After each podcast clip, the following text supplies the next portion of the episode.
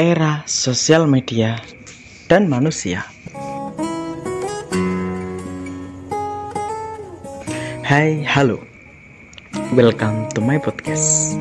Aku bukan cendekiawan, bukan filsuf, bukan pula pujangga, juga bukan tokoh agama, tapi kali ini aku mau berbagi sama kamu tentang suatu hal. Aku bukan ustadz, juga bukan kiai, namun Pernahkah kamu mendengar sebuah hadis yang mengatakan bahwa ketika manusia mati, maka terputuslah amalnya kecuali tiga perkara, yaitu sedekah jariah, ilmu yang bermanfaat, dan anak yang soleh.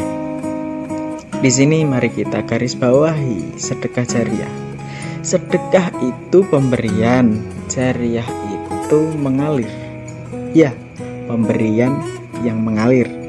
Lalu apa hubungannya dengan era sosial media dan manusia? Dikutip dari Wikipedia, sosial media adalah platform digital yang memfasilitasi penggunanya untuk saling berkomunikasi atau membagikan konten berupa tulisan, foto, video, dan merupakan platform digital yang menyediakan fasilitas untuk melakukan aktivitas sosial bagi setiap penggunanya.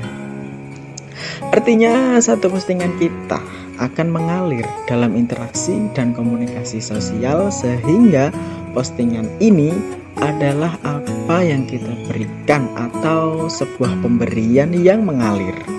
Bagaimana jika jariah ada dua kategori, pahala jariah dan dosa jariah?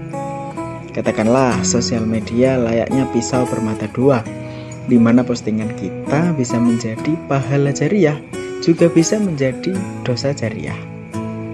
Wajar saja jika ada orang-orang yang memilih untuk tidak nyemplung ke sosial media yang mungkin mereka memiliki alasan tertentu. Nah, bagaimana dengan manusia zaman dahulu, orang-orang yang hidup sebelum era sosial media? Yang masa hidupnya ratusan tahun, bahkan ribuan tahun, tanpa pernah memegang pisau bermata dua yang disebut sosial media ini.